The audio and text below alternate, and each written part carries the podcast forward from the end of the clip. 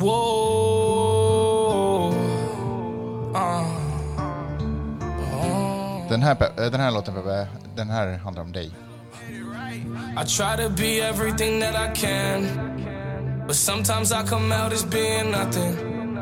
I try to be everything that I can, but sometimes I come out as being nothing. I pray to God that He Kan du relatera? Ja, det är hög igenkänning. Är det inte de här demonerna vi alla tampas med, Peppe?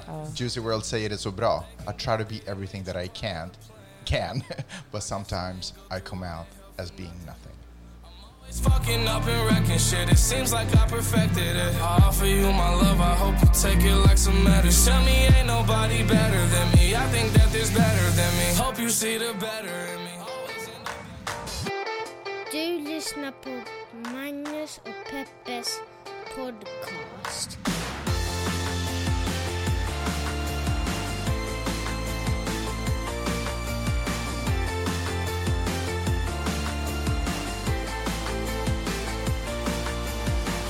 What up? Hjärtligt välkomna till podcasten som heter Magnus Peppels podcast. En liten podcast där vi pratar om stora och små händelser i världen och så gör vi det ur ett journalistiskt, feministiskt och mediegranskande perspektiv.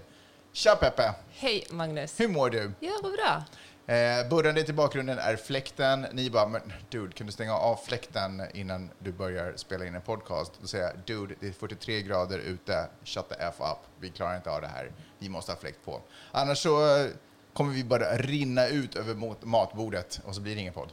Men alltså, det har ju varit rekordvarmt här i Los Angeles. Mhm. Det mättes eh, nästan 50 grader i Woodland Hills, som DN skrev ligger söder om Los Angeles, vilket ju är helt fel eftersom det ligger rakt norr om Los Angeles. Alltså, skammers. Alltså jag är Skämmas, före att skriva en insändare. Ja, skriv det. Men, och en, eh, Eftersom det är verkligen superviktigt.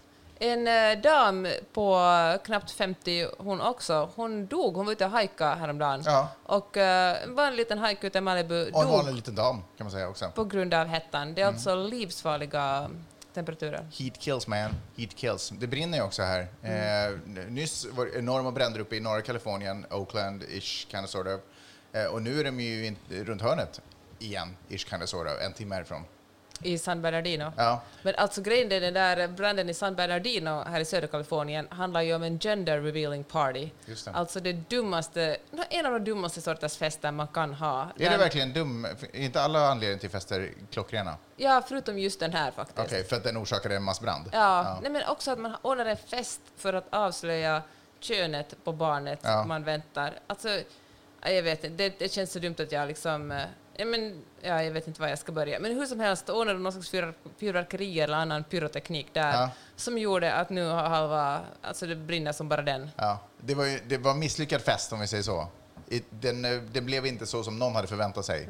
Förhoppningsvis blev åtminstone könet vad alla hade förväntat sig så att alla blev glada. Ja. Så att det inte blir dålig stämning av det den brinner också. ju också uppe i Mammoth där vi var för några veckor sedan. Jaha, brinner det där också? Ja, och riktigt ordentligt. Man var tvungna att evakuera över 200 personer och 11 pets, som jag an- antar är hundar, för att eh, alla vägar upp till de här eh, sjöarna som vi också besökte hade, var liksom, det brann så det gick liksom inte att ta sig Mm. Oj. med bil, så man kom med någon slags jättestor någon slags eh, fan, mellanting mellan helikopter och flygplan och plocka upp folk. Oj, shit. Så, och jag såg på, jag tog min valga, jag har en, en liten TikTok-session innan jag lägger mig varje kväll, och då var det någon som sände därifrån som sa, och det var så här, kanske, nej vet du vad, det var faktiskt inte överdramatiskt, för att han var verkligen så att, ja, får se om jag överlever det här, och så visade han runt sig och det var brann precis överallt. Han stod liksom vid en sjö och det liksom, det brann överallt runt honom. Jäklar. Kan man inte bara gå i sjön då och vänta? Ja, men jag tänker, hur länge ska man vänta där då? Nej, men Ja, några timmar? Ja. Jag tänker också på alla stackars djur. Det finns ju Ja. otroligt mycket björnar, Björnar. Mm. där till exempel. Stackars björnar, alltså det är ju en sån vidrig katastrof det här. Det är ju alltid brunnit i Kalifornien, men de här bränderna är ju rekordstora. Alltså de som, jag kommer ihåg 2018 när det brann riktigt ordentligt, när den här staden Paradise brann ner, brann ner i norra, Kalif- norra Mm. Ka- Kalifornien, då snackade man att det var rekordbränder.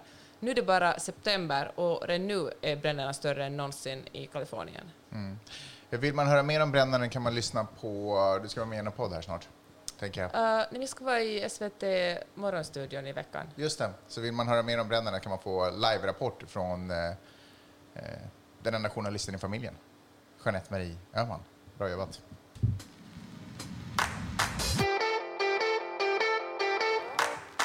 Eh, det har hänt ganska mycket.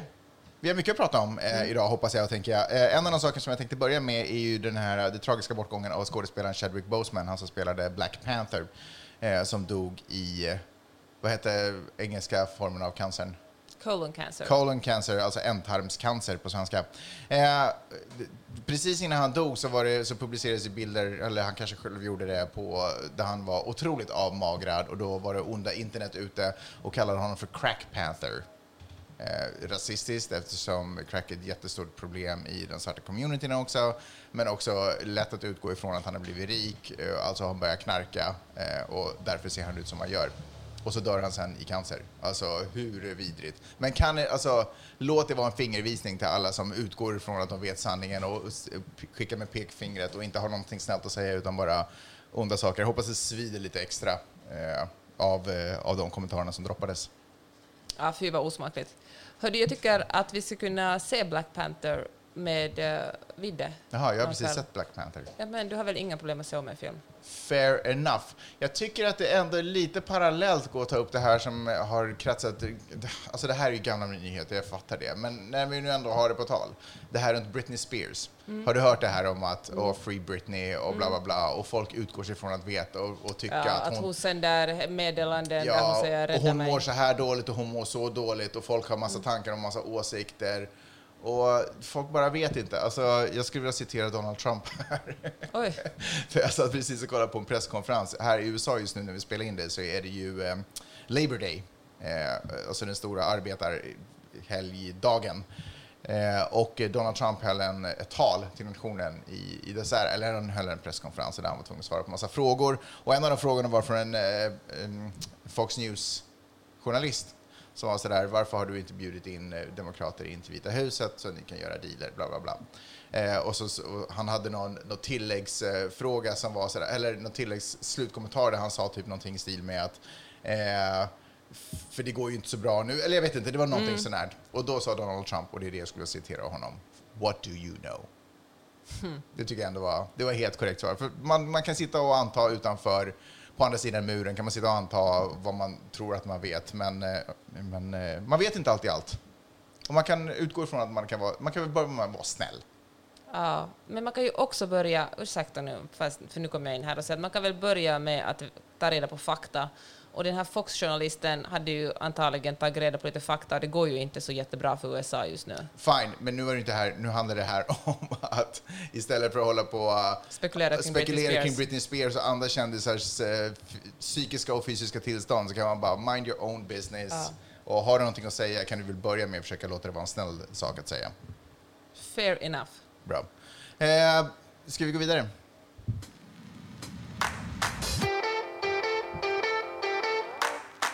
Det är ju presidentval alldeles snart och här i USA oroar man sig för eh, hur det Att kommer Trump att kommer gå. vinna. Ja, men, eh, man, utan att ljuga kan man väl ändå säga att majoriteten oroar sig för att, vad som kommer att hända om, eh, om Trump kommer att vinna. Mhm. Men, för, men för det här är verkligen ett val där man röstar på den som den andra, den andra den, man, liksom, man är mer engagerad i den man inte vill ska vinna än den man vill att ska vinna. Just det. Och nu har folk gått omkring och haft, liksom, eller folk är väldigt stressade över att Donald Trump ska vinna, men nu har det kommit en parallell oro upp på tapeten, nämligen vad händer om eh, Donald Trump vinner? Om, det blir, eh, om det blir så att han, eller att han utser sig från att vara vinnare, eftersom man, eh, efter, på grund av pandemin så kommer många att poströsta till och med i det här landet, och då räknar man med att få in rösterna, många av rösterna kommer in kanske bara en vecka, till och med två veckor efter, efter den efter bör- den 3 november som det är presidentval. Så man kommer liksom, men då kan det vara de som röstar eh, verkligen med valsedlar, att den, det resultat som kommer in där kanske är missvisande. Men om det resultatet visar att, att Donald Trump eh, vinner, då, jag, då kommer han att utse sig själv som president och när poströsterna kommer in senare så kommer han bara att hävda att det är valfusk och sitta kvar. Och nu befarar man att eh, om det här scenariet kommer att, att hända, att det verkligen blir inbördeskrig i USA. Att det vi har sett i Portland, det vi har sett i liksom andra clasher, både i New York och här nere, nej men egentligen i hela landet, att det kommer, att, eh, det kommer bara att vara nej men, bara liksom trailern till det riktiga bråket mellan demokrater och republikaner. Och uh, ingen vet riktigt hur man ska jag menar, hur, hur man ska hantera det här. Jag för- tror verkligen, alltså seriöst, alltså jag hör vad du säger. Folk kommer ju vara arga. med inbördeskrig? Ja, jag kanske använder ordet för lätt, men tänk på det som, var drar man gränsen alltså? Just, det dör ju människor hela tiden. Mm. Jag menar, det tog, bara förra veckan så var det en, eh, en antifascist som sköt en fascist i Portland. Och uh, Vice News gjorde en intervju med antifascisten liksom, och, och dagen efter så sköt polisen ihjäl honom under. Och man har liksom, om, omständigheterna kring det här är nu, han verkar liksom vara en knäppgöke kanske att ta i, men alltså han verkar vara en, en, en, han var väl knappt 50 år gammal, en liksom aktivist som verkar jobba för svartas rättigheter. Men han hade också blivit fast för att ha kört uh, under influence, alltså varit hög och att han har liksom bärt vapen som han inte har haft uh, Ganska tillstånd till. gränslös person, kan Eh, man väl säga ja, det? men det var, det var ett bra sätt att säga. det. Men, men, det finns, men det är ändå ganska oklart hur det kom sig att, att polisen verkligen kände sig tvungen att, att skjuta honom. Och vet du, min första reaktion... Fast han, man får väl ändå säga att han är ganska farlig. Han verkar vara en farlig person. Så men det ju, jag förstår att man kommer dit och är lite nervös. Ja, det förstår jag. Han har ju haft ihjäl en, en människa, så man förstår ju Exakt. att han var farlig. Men, eh, men det känns ändå som det går väldigt fort när polisen har ihjäl folk. Och jag tänker så här att om det är så här att... att eh, för först när jag läste den här högerextrema duden blev skjuten blev jag faktiskt stressad, för jag tänkte att nu, nu, kommer, liksom, nu kommer de att hämnas. Nu kommer liksom att det ryka tio gånger så många liksom svarta och liksom antifascister, som, för de här är ju verkligen mer beväpnade på den, på den högerextrema sidan än kanske på den andra sidan, tänker jag. Men det kommer säkert också leda till att allt flera börjar bära vapen eftersom de här protesterna eskalerar i våldsamhet eftersom folk dör. Och, och runt om i landet har det blivit allt vanligare att de högerextrema också kör in i folksamlingar. De kör med sina bilar rakt in i de här demonstrationerna. Och när vi spelar in där på det, det som, du säger, Labour Day, och nu väntar man att det ska komma flera olika demonstrationer av, eh, där de här höger, högerextrema kör in i olika städer i sina stora pickup trucks. Och, liksom, och då, eftersom man vet det här, då kommer det att finnas motdemonstrationer där folk, Black Lives Matter, folk går liksom i demonstrationståg och nu är man rädd liksom att de här två ska clasha. Det var ju liksom en, en sån, bara en sån här pickup parade, alltså där de högerextrema körde också genom Los Angeles bara förra veckan. Och, eh, men jag tänker att för våldet kommer, det, våldet kommer, det kommer att leda till att allt fler personer bär vapen och ju fler personer som bär vapen, det är ju ett av de stora problemen i det här landet, är, är då är risken för att fler kommer att bli, eh, fler människor kommer att bli ihjälskjutna. Och, eh, så jag tror faktiskt att, eh, kanske du tycker att jag överdriver när jag säger inbördeskrig, men alltså står inte USA lite på randen till det än? Det är ju kanske inte lika tydligt som att eh, när man försökt som liksom det förra inbördeskriget, men det är ju ändå ett otroligt polariserat land där eh, folk har svårt, det är inte som man hoppar från ena sidan till den andra sidan, utan man för liksom varje dag som går känns det som att, att de som är demokrater är allt mer demokrater och de som är liksom republikaner är allt mer republikaner. Jag tror att om Trump vinner så kommer det här landet gå djupare in i fördärvet. Folk som är arga, alltså det är inte så att han lugnar folks ilska. Utan folk som är arga får ju på något sätt mer bensin därför att han hetsar ju väldigt mycket. Så att jag tror att det kommer vara väldigt mycket skjutolyckor och skjutningar också under hans, eh, under hans fyra år. Jag tror att om Biden vinner så tror jag att det kommer vara en period där folk är arga och upprörda. Men att på något sätt kommer lugnet sen ändå så småningom lägga sig. Därför Ja, jag tror det- inte att han provocerar ju ingen, liksom, förstår du vad jag menar? Sen kan folk tycka att han är mesig, att han är sleepy, att han är dement, men han provocerar ingen. Nej, Nej det, det kanske, man får ju hoppas på det. Att Medan han Trump provocerar till höger och Ja. vänster. Och det faktum är att de man provocerar mest är ju egentligen sina egna. Men det sägs ju, alltså jag läste massa av olika analyser och en, en del analyser säger att, att, att Trump gynnas av det här våldet. Att ju mer våld som finns desto mer liksom kommer Mm. Folk att, att... För han talar ju väldigt mycket om law and order, Ja. att tack vare honom kommer vi att ställa till rätta det här, att det vi ser nu är Bidens USA, det som du talade om i förra podden Mm. också, att, att det ironiska i att, att Trump säger att så här kommer det att vara under, om Biden blir president, när det i praktiken är Trump som är president. Men nu har jag hört liksom andra analyser Därför som... att han menar att de här, där, där det är mest oroligt så är det demokratiskt styr, styrda Precis. stater. Men då gör han ju misstaget, det här vet såklart inte alla amerikaner, för alla är inte så insatta i politik, men att eh, man har ganska, alltså som uh, borgmästare i en stad har man ganska lite att säga till om, det är ganska svårt att kontrollera en sån här Alltså, vad ska man göra? Jag menar, vad, på vilket sätt? Det är ju ofta högerextremister som kommer och provocerar. Och det är ju ganska ofta, oftast står det åtminstone i dagens New York Times, så är det nästan alltid polisen som verkligen går, gör, gör, ha, liksom kommer med övervåld som gör att det blir våldsamt många av de här, nästan alla demonstrationer är fredliga. Att det där är svårt. Alltså, det där är ganska självsäkert att bara slänga ur och förklara varför, vad man kan göra mot stora demonstrationer och vad det är som triggar vad. Fast Det är demonstrationer är, ju en del av en demokrati. Det är ju klart man ska kunna demonstrera i en, en demokrati. Jo, fast du vet ju liksom jag att det är inte bara fredliga demonstranter som går där, utan det är också folk, opportunister som det tar tillfället i akt. som, ja, verkligen som Ja. kommer och förstör. Det finns Ja. det också. och det är polisens jobb att ta hand om dem och det- skydda fredliga demonstranter. Ex- Ja, fast de skyddar ju inte fredliga Nej, nej, demonstranter. men det är ju Polisen svårt. skyddar ju liksom... Jo, därför att de, också de, de som hetsar går ju i skydd av de fredliga Ja. eh, Ja, Så jag det är klart att dig. det är svårt att... eh, Men den, en stor diskussion som, som förs i USA just nu är att vad ska polisen, hur viktigt är det för polisen att skydda affärer till exempel? Inte viktigare att skydda människoliv? Är det verkligen så viktigt att liksom, är det, de fysiska affärerna viktigare än människoliv? Mhm. Och det är ju, ett, det är ju någonting som polisen har gått väldigt hårt in att gå in på. Det är ju klart att, det, att man ska, allt ska fördömas, att man liksom kommer att slå sönder skyltfönster. Men det är ju ändå det allra viktigaste att ingen människa dör, ingen får sätta livet till under de här demonstrationerna. Ja. Just i det där fallet så känner jag att det är otroligt lätt att sitta och förklara läget Fast, i alltså, Santa Monica. Jag kan lägga ut den där, alltså den där New York Times-artikeln som faktiskt idag när vi spelar in det måndag, Labour Day, som stod att nästan alla de här våldsamma protesterna är det polisens övervåld som har lett till dem. Ja, det, Jag sitter liksom inte och killgissar när jag nej, säger det, det. det förstår jag, men jag, jag kan också tänka mig att den är skriven med, alltså, jag menar New York Times är ju ändå lite mer åt Demokraternas håll. Alltså jag förstår att de ägnar sig åt öppen journalistik, men, men det här är dessutom bara en undersökning, alltså, eller en studie antar jag. Det är väl inte liksom, det här är vad någon har kommit fram till. Den personen kanske inte har tagit med alla parametrar i beaktande. Men, Men, är inte det som men det kan- studier handlar För du får inte vara så där. Alltså det är klart man ska vara kritisk och ifrågasättande, men om man själv sitter och killgissar, jag tycker man måste ju ändå utgå från nej, men det är det. Jag, jag undviker kommer- från att ens försöka uttala mig om varför och vad man kan göra åt Nej, dem. men jag menar bara liksom att man måste ju ändå, man kan inte vara sådär men ah, det står bara i media, det kan, behöver inte alls stämma, eller nej det är bara en studie som visar på det här, det behöver inte stämma. Det är klart, men liksom, då måste man själv komma och fundera på varför man kommer själv. Är det för att, alltså det är klart man ska vara kritisk, men om någonting måste man väl ändå hålla fast vid. Det- Alltså man måste ju tro på någonting. Jo, jag vet, Och men- Mm. då måste man ju ändå utgå från att, den, att den, så de riktigt stora medierna gör sitt bästa för att rapportera. Absolut, Sen det finns det om. opinionstexter som kanske har en lutning åt ett håll, ett annat håll. Men, eh, men jag tänker att om man börjar liksom... Ja, men det är jättefarligt om man börjar tvivla på liksom... På, på, forsk, om om man säger att det här är, ett forskning, liksom det här är en studie som visar på det här, och man bara... Mm, men Ja, jag fast tror, det där är inte ett forskningsresultat. Jag skulle inte tvivla på det om det var ett forskningsresultat. Det här är ju, det här är ju en studie nu då som jag, jag vet inte om det är en av 200 miljoner eller om, om det har gjorts massvis med studier som, som visar på precis, men det är fortfarande bara en studie. Mm. Alltså, fine, det kan mycket väl vara sant.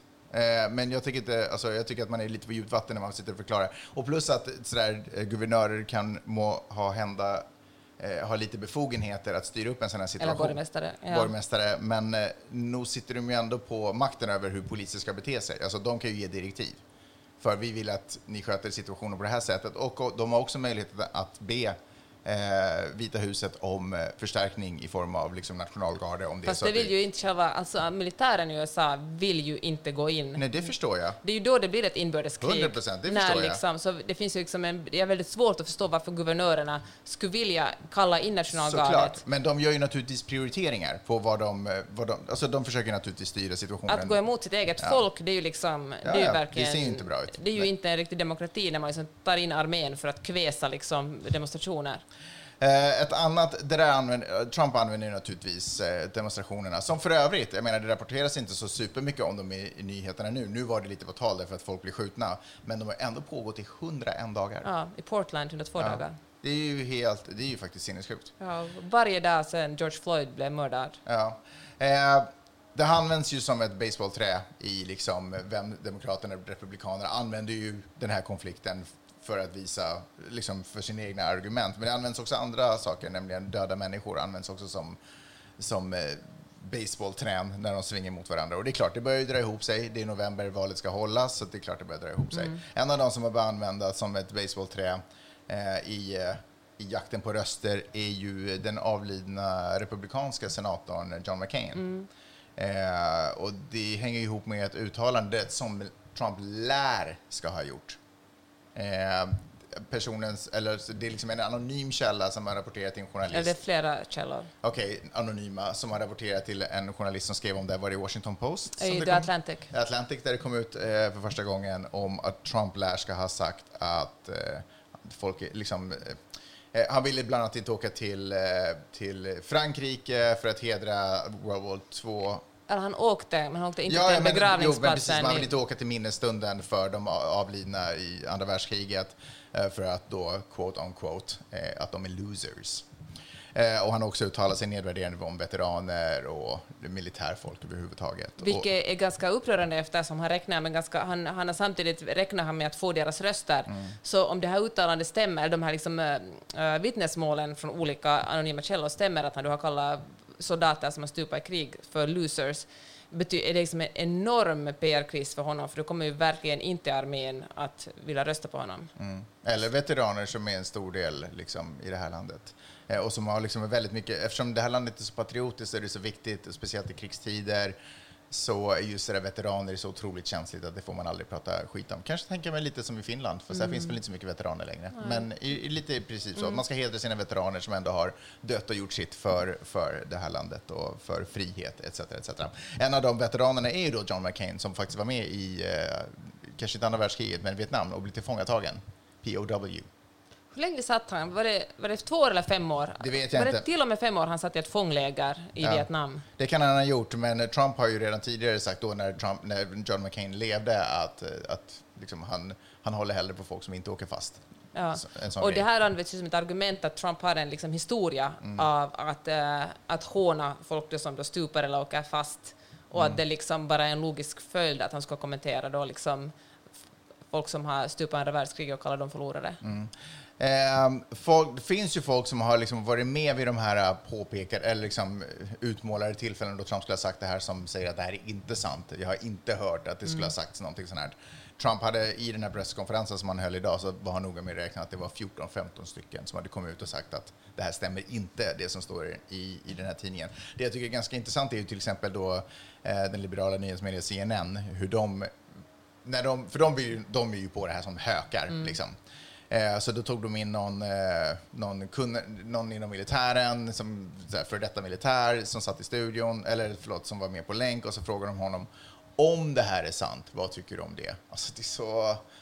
Jag kan bara inte ha respekt för nyhetsmedia i det här landet, Nej. hur man, hur man hanterar här Eller. TV-nyhetsmedia. TV-nyhetsmedia Men alltså, The Atlantic är ju heller ingen vilken, liksom, det är ju inte New York Post, det är ju ingen liksom, vilken skvallertidning som helst, utan det är en väldigt etablerad förstår. tidning med liksom och han är tydligen väldigt välrenommerad, den här journalisten. Och tydligen så hade... Och chefredaktören har ju gått ut liksom, så att han står till 100% bakom det här. Ja. Och nu, säger, nu handlar det om att nu man så...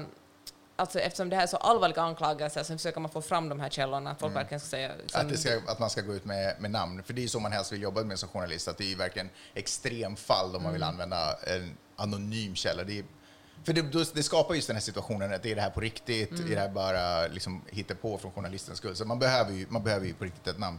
Ehm, sen så rapporterar eh, Biden leder ju än så länge då också i swing states, lär han då ska leda i de flesta. Eh, in, in, med, vad var det nu, 52-3 procent mot eh, Trump. Eh, Men Trump knappar in faktiskt. Precis, för, för Bidens kurva går liksom lite neråt. Mm. Den, har, den har trubbat av och, och det är ju underligt. Vad beror det på tror du, Peppe?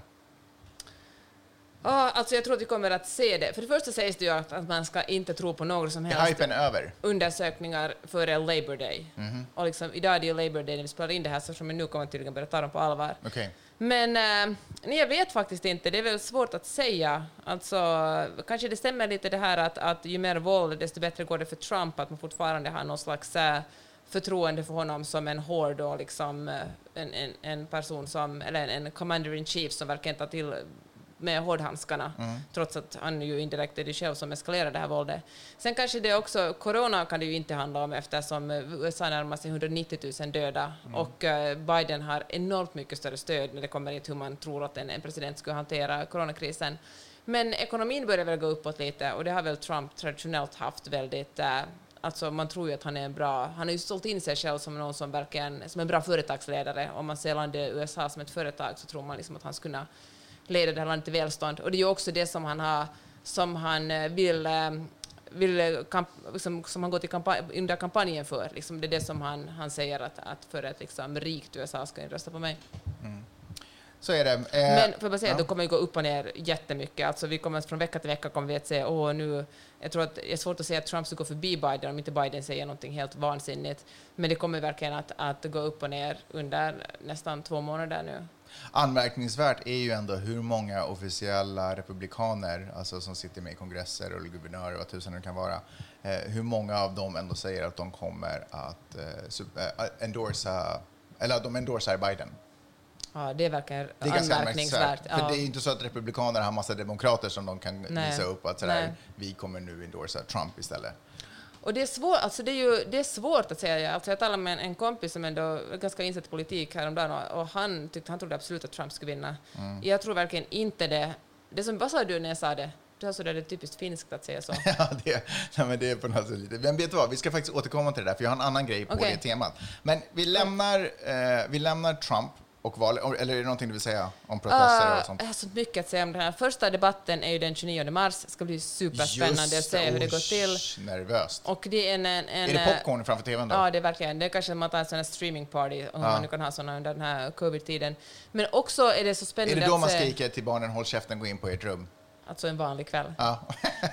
Ja, men, nej, men det är verkligen, det ska bli så spännande att se också hur mycket Kamala Harris kommer att uh, supporta, alltså hur mycket hon kommer att lyfta Biden. Sen tror jag också att man är på något sätt, eh, alltså Trump vill ju tro, få en att tro att Biden är senil och liksom bakom flötet, men det måste man ju också komma ihåg att han, han presterar ju ganska bra under debatterna mot de andra demokratiska kandidaterna. Alltså, Trump? Nej, utan Ja, Biden. Biden, ja, ja. Alltså man är, jag vet att man ser honom som en liten skröplig farbror, men helt bakom flötet är han ju trots allt inte, utan han, liksom, han, var, han var duktig. Han hade ju en ordentlig fight till exempel med Kamala Harris under en av Demokraternas debatter för att vem som skulle bli deras kandidat. Så jag tänker att, ah, fan, jag, jag, har gått omk- jag har gått omkring och varit Plus väldigt kolla hans leende. rädd för... Kom igen. Det där, Trump har inte det där leendet. Nej, nej. Ja, så jag tror, att, eh, jag tror att jag ska släppa min värsta rädsla inför att Joe Biden kommer att göra bort sig. Jag kommer ihåg att han ändå han har kanske du, som politiker, alltså re- retoriskt. Och sexuellt. Och sexuellt. Men, eh, men jag tror att han kommer att klara av att, att göra en, en, en... Jag tror att han kommer att göra bra ifrån sig i debatterna.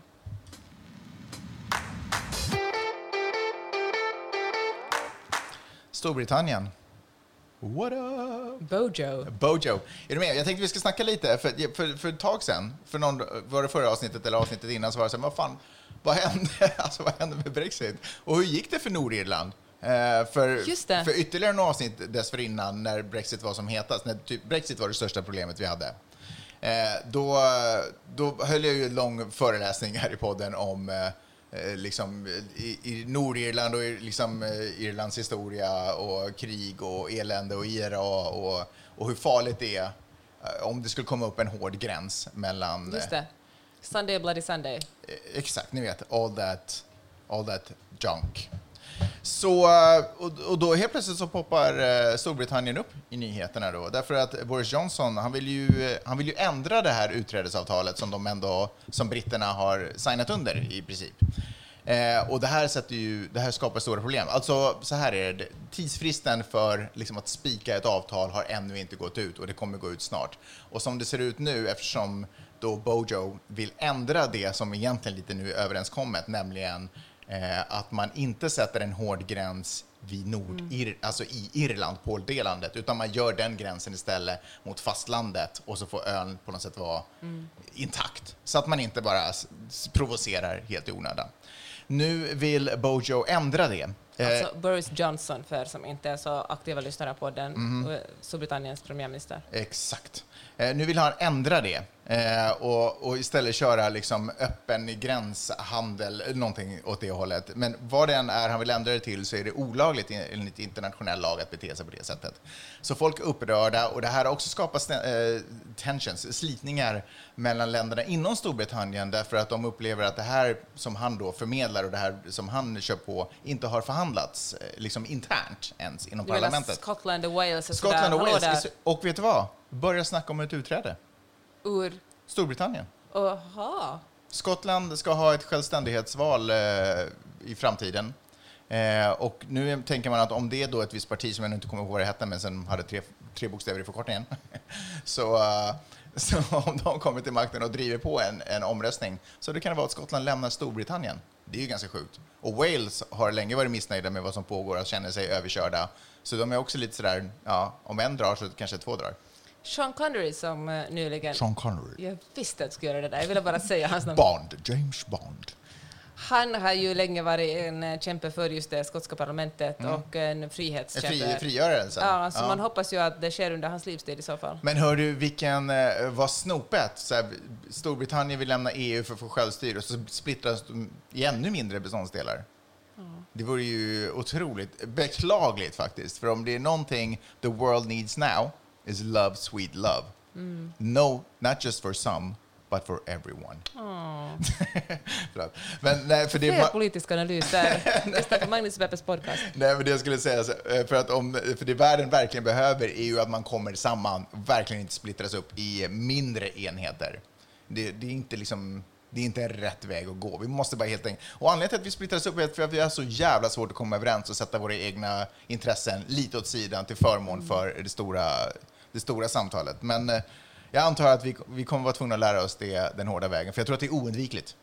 Vi klarar oss inte att leva som små öar. Det funkar inte. Vi måste eh, bara arbeta tillsammans. Det är det enda sättet, speciellt som nu, så som världen eh, ter sig med, eh, med bränder och alltihopa och vri, virus. Alltså, vi är ett globalt samhälle. Det bara går inte att komma över.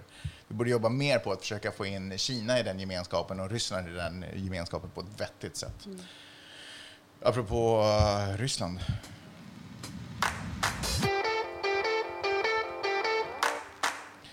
Nu ska se om jag säger hans namn rätt. Alexej Navalny.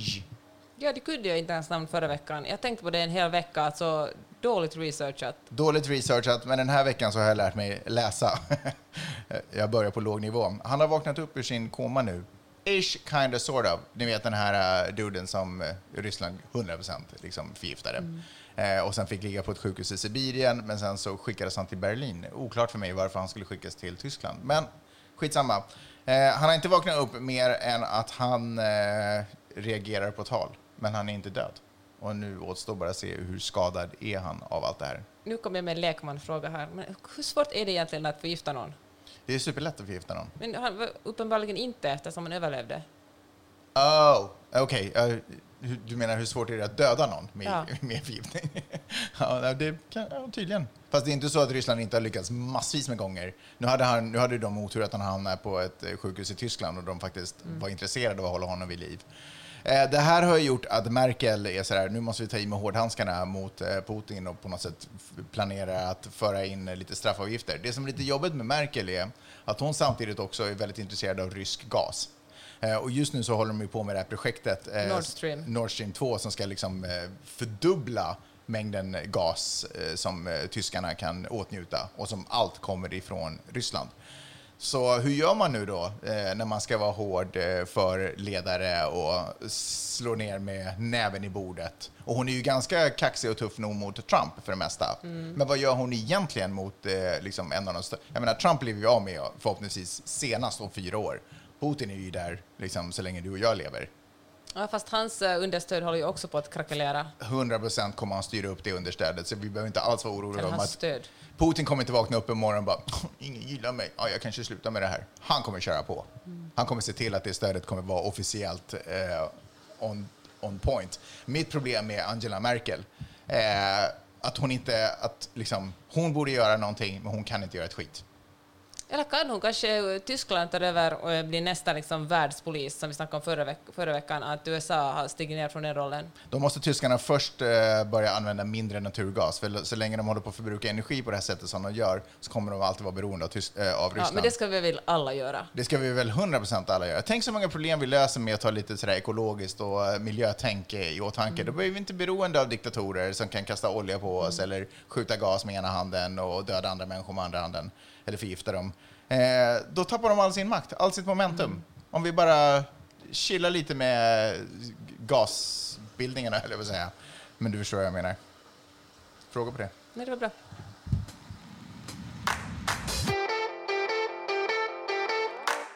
Jag tänkte på en grej när jag såg en bild på Jeff Bezos, världens rikaste man, som gick på stan i såna fula... Han borde heta Jeff Bezos. Ha. i fulla shorts och uh, någon sån t-skjorta. Och uh, hur han verkligen kunde vara en hur vanlig dude som helst, men egentligen är han världens rikaste man Mm. och, och liksom skäms inte över det, det minsta. Men hur man i USA verkligen inte har någon uttalad, uttalad överklass. Man snackar liksom inte om adeln, det finns ingen adel här. Nej, och det det. finns, man vet att det finns rika människor, men eh, man, man använder liksom aldrig ordet överklass. Nej. Man kan eventuellt tala lite om, om arbetarklass, eller som du sa, talar man liksom om, om blue collar workers då. Mm. Och de är stolta över det de gör. Men jag tror liksom att en orsak till att man talar så lite om, eh, om klass är för att eh, hålla igång den här eh, amerikanska drömmen. Däremot så tycker jag att man pratar om eliten. Ja, men eliten har inte med pengar att göra på samma sätt. Eller? Eliten, det sägs. Tänk dig så här New York-eliten. Man bara känner hur det har gått tillbaka några generationer. De äger alla hus på Manhattan. Ja, fast det, då är man ju jätterik. Ja, jo, Men jag jo. tänker att eliten innefattar ju också journalister och författare och folk som liksom som på något sätt har, eh, nej men som syns i medier. Mhm. Medan, eh, kanske, jag vet inte om adel, men, men ja, okej, nu förstör inte min teori. Nej, okej. Ja. Men då känns det så här att om man talar liksom om, om, för de här, i USA är det ju verkligen så att man ärver förmögenhet. Mm. Det är liksom svårt att bli någon om, om man inte har ärvt en massa pengar. Liksom alla, alla den här, alltså, eh, men Jeff Bezos, Steve Jobs, eh, Elon, Musk, Musk, Elon Musks pappa hade massa gruvor i Sydafrika. Jag menar, liksom, ingen av dem har verkligen kommit från gatan, utan no, verkligen Donald Trump. Liksom. Mm. Alla har ju kommit med pengar, och har man pengar att börja med så kan man bygga upp en ännu större rikedom. Mm. Det är liksom väldigt få, varken politiker eller liksom överhuvudtaget techjätteägare som har börjat från gatan. Alltså i USA så har man ju två olika ord för det här, vilket är ju nice. Eh, man kan vara rich eller så kan man vara wealthy. Ja, Och vi snackar ju om den här uh, wealthy eliten nu. Ingen av dem har ju fötts förmögen från, eller rik. Ja. de, ingen av dem har fötts från noll och sen byggt upp det. Men de klär alla sig och liksom uppför sig som om de är en helt vanlig dude. Och nu säger jag inte att det här är som ingen konspirationsteori, det bara som en intressant iakttagelse för att, den här, att, det, att det är så här att man kan se ut hur som helst och liksom aldrig talar om att, att man kommer från pengar utan att på något sätt glorifiera det här att, att eh, Ja, jag började, Tvärtom, låtsas jag som att man inte gör det. Nej, men precis, jag började jobba i ett garage liksom, och så byggde jag upp hela det här. Sen råkade jag få liksom, några hundratusen i lån av min pappa, eller som Exakt. en present av min pappa, som kanske hjälpte mig lite på vägen. Men att, eh, att den här amerikanska historien om den amerikanska drömmen sitter så djupt att man, eh, att man liksom, eh, att den är när, när på det här att, att folk håller sig på sin Ja, men alla tror att man kan bli någonting och ingen ifrågasätter det här systemet. Det att universiteten dessutom snarare är, är liksom företag nu för tiden än, än, liksom, än bara universitet gör ju också det att, att man, om man, liksom, man måste ha liksom hundratusentals dollar för att kunna sätta sina barn i ett, eller för att sätta sig själv i ett elituniversitet, alltså med Harvard, Stanford och, och liksom och Yale, alltså deras terminsavgifter är så hysteriskt höga att det liksom inte går för vanliga människor att komma in där. Och, eh, och de säljer ju platser som bara den, för att, eller de säljer ju liksom platser mer eller mindre. Och, eh, och samtidigt så de gör reklam för att bara så och så många procent kommer in vid en, ja, vid en elitskola, trots att de egentligen kunde, speciellt nu med liksom de tekniska lösningarna, kunde de utbilda hur många som helst och liksom sänka på priserna för att, för att gå liksom för, för studenter. Men, eh, men, och det blir också såna, de här skolorna blir också såna här hubbar för att eh, man ska typ knyta rätt sorts kontakter och, eh, och, liksom, eh, och komma sig vidare inom politiken eller företagslivet. Jag menar, Jared Kushners pappa, alltså eh, Ivanka Trumps man, han köpte ju in sin son för 2,5 miljoner dollar för att han skulle få en plats på Harvard. Han hade verkligen medelmåttiga betyg.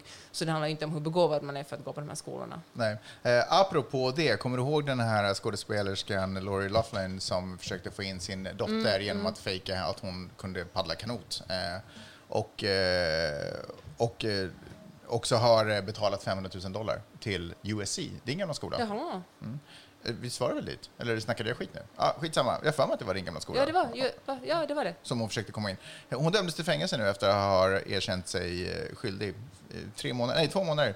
Nej, vänta, förlåt. Eh, hon blev dömd till två månader. She wa- she was sentenced to two months and five months.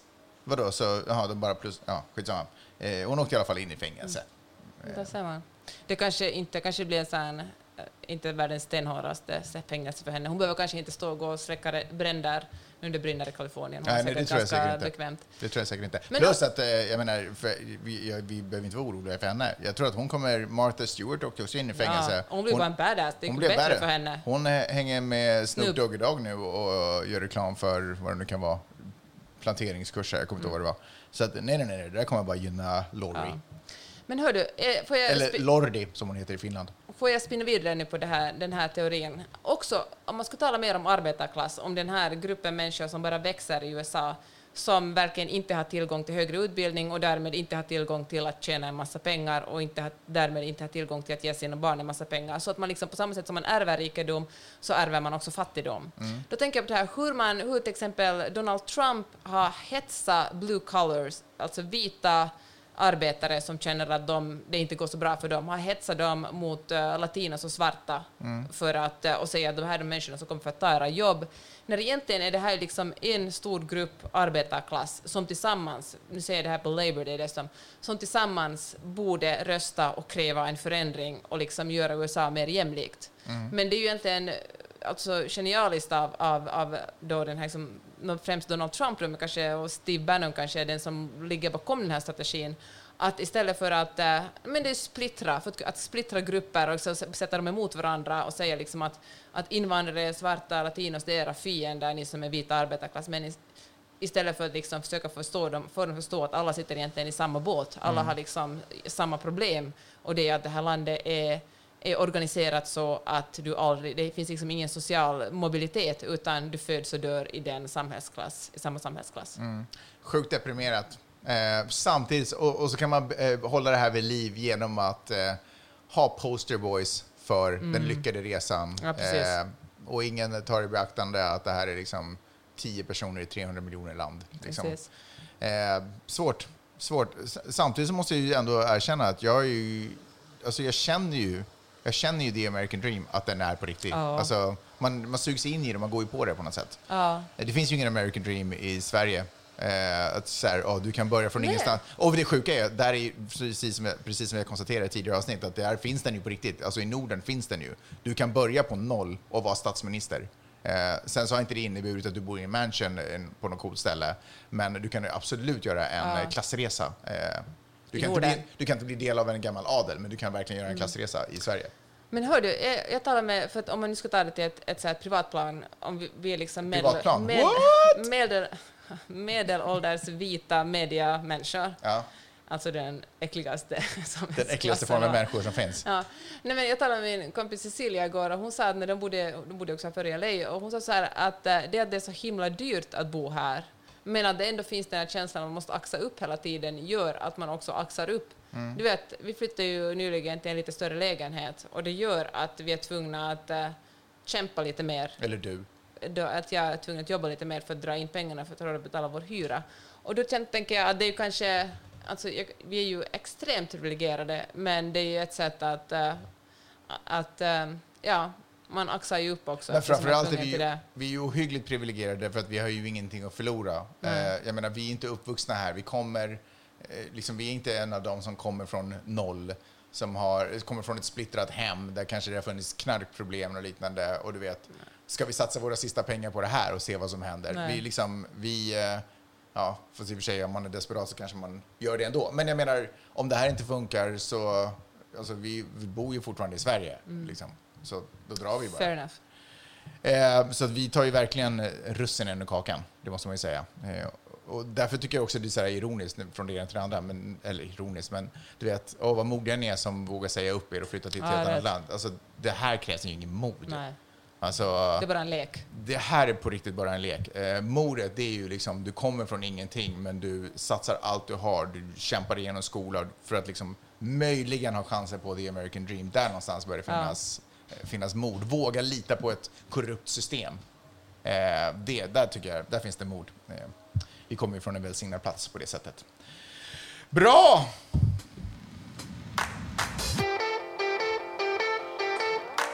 Vi snackade lite tidigare om eh, vad heter det, statistiska undersökningar om hur det går för Biden och hur det går för Trump.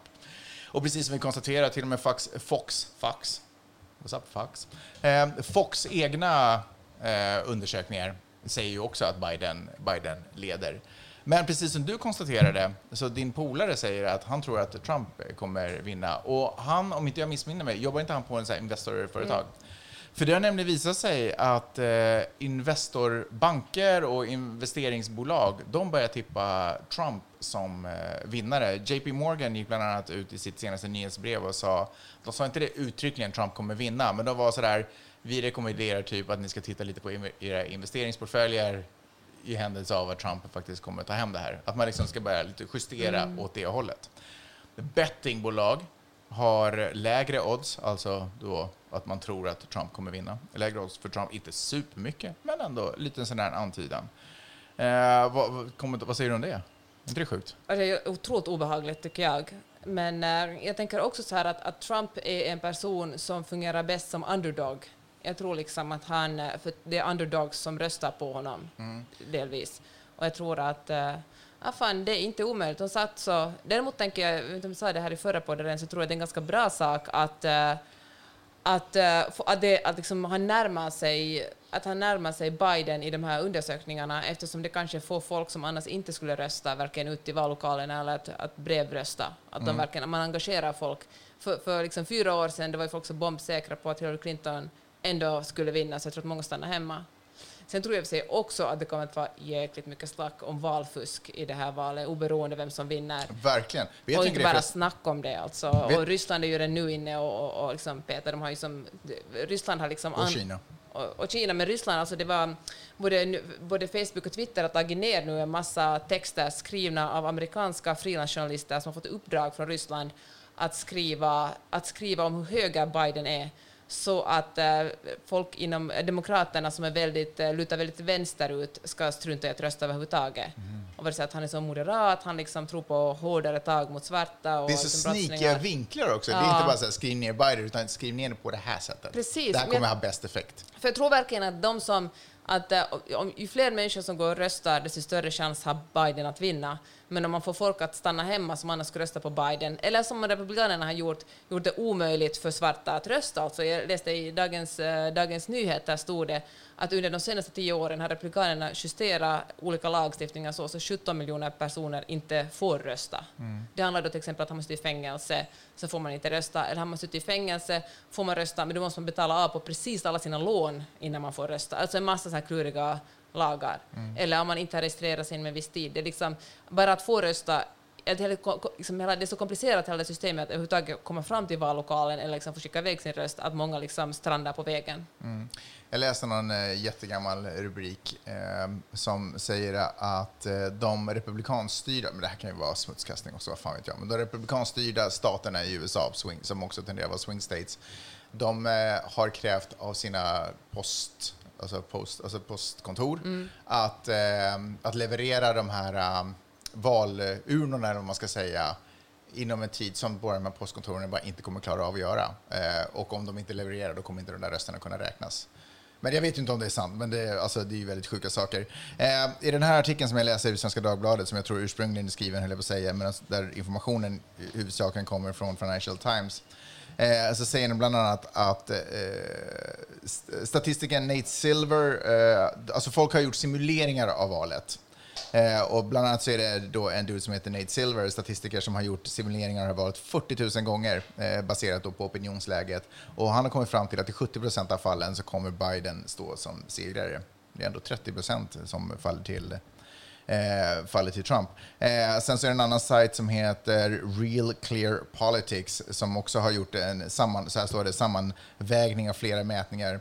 Och där visar det på 49,6 procent stöd för Biden mot 42,6 för Trump. Det är läskigt med de här siffrorna. Eh, jag ska ta en, en sista här också. 270 Towin site Ehm, som också har, har räknat statistik. De har kollat på elektorsrösterna som krävs för att vinna liksom, presidentvalet. Och då har de kommit fram till att Biden i nuläget skulle ha 279 eh, mot Donald Trumps 116. Men en av de förklaringar som har getts till varför eh, åtminstone eh, vad skulle jag säga, odds, eller bettingbolag, varför deras eh, siffror har börjat eh, svikta åt det hållet. Och det är eh, för att de visar ju också lite på hur folk har satsat sina pengar. Och då verkar det vara så att eh, Trump-supportrar anses mer självsäkra och benägna att satsa pengar på sin kandidat intressant. än, än vad de som röstar på Biden. Eh, Det skulle kunna vara en förklaring. Eh, En annan förklaring som har gjorts är att i de här statistiska undersökningarna så verkar det som att folk som supportar Trump tenderar att ljuga. Att de inte vill säga att de supportar Trump när någon ringer upp och frågar vad de ska rösta på. Fast det hörde att jag också om och det verkar, då sa liksom... det är inte en hög procent. Vi pratar om att, 10, att det skulle vara 10 procent. Liksom, som ändå, Mm. För att det står ändå, i vissa platser kan det ändå vara lite stigmatiserat. Eller väldigt Fast man säger väl inte sitt namn, det är väl anonyma samtal ändå? Jag vet inte, man kanske känner, inte fan vet jag, Mm. men att det, det är större chans, alltså det här är ju demokrater också, men det är större chans att republikaner som röstar på Mm. Trump det. skulle, skulle inte, inte ljuga om det, det känns så hårt. Eh, Men att sådär, man känner sig lite, det känns läskigt att säga. Eh, man, om man dessutom är osäker kanske det bara känns bättre att säga att jag kommer rösta på Biden, men sen när man väl står vid valurnan Mm, så är man sådär, ah, fan, nu, Vi kör ändå. vi kör ändå på Trumpy Boy. Jag ska bara säga en eh, sista sak så ska vi börja runda av här. Eh, som en liten kommentar till, eh, till att eh, Trump-supportrar är mer benägna att rösta på sin kandidat om att de är mer självsäkra. Jag har faktiskt, jag ska satsa pengar på Biden. Do it. Jag skapade precis ett konto på ett av bettingsajterna eh, och eh, tänker sätta in en tusen spänn på, på Biden. Talar vi kronor eller eh, dollar nu? Det får vi, det återstår att se. Nej, jag tänkte kronor kanske. Satsa lite pengar på, så blir det, så blir det dubbel seger sen i höst när han kommer Ja. till, Åh, vad vi ska eh, dansa till, på gatorna. Till, eh, till makten. Hörni, eh, nu, nu står det gäster, det är värmebölja som sagt, så gäster kommer in för att eh, få bada i vår pool. Så att, eh, nu måste vi, Majdis, ge oss två sekunder. Nu måste vi runda av, eh, vi måste dra ut, kyla ner oss. Tack för att ni finns och att ni inte har svettats bort och jag hoppas hösten behandlar er väl. Eh, Tack för att ni betalar för den här podden. Tack för det eh, och vi hörs om en vecka snart igen. Ta hand om er. Puss och kram! Hej!